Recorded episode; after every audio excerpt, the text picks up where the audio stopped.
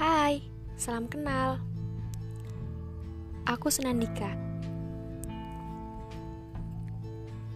Bagaimana 13 hari sebelum ending 2020? Ah, kita kan baru kenalan. Gimana kalau cari tahu dulu apa itu arti Senandika?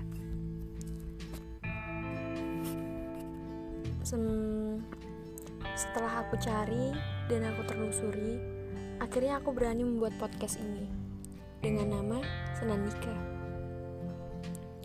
Karena judulnya bukan, bukan judulnya.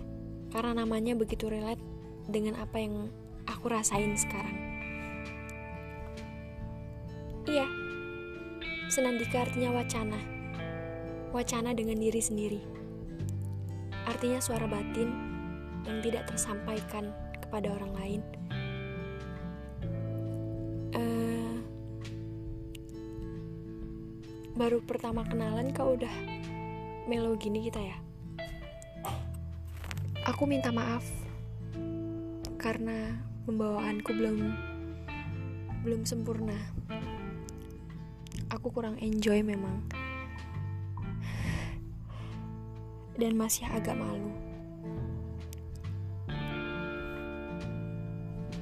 Senandika adalah aku. Dan mungkin kamu juga mengalami itu. Bertahun-tahun aku mengalami hal ini. Bercakap dengan diri sendiri di dalam hati. Suaranya itu tidak tersampaikan. Aku memang tipe orang yang jarang banget cerita ke siapa-siapa. Jadi kalau lagi ada masalah, kalau ada kalau lagi lelah, semuanya pasti aku ceritain ya ke diri sendiri. Ujung-ujungnya imbasnya ke diri sendiri.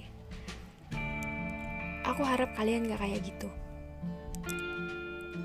Apalagi sampai melakukan self-injuring. Untuk kalian yang lagi resah, untuk hatinya yang lagi tidak aman, aku berharap kalian selalu baik-baik saja di sana, di mana pun kalian berada. Aku Senandika.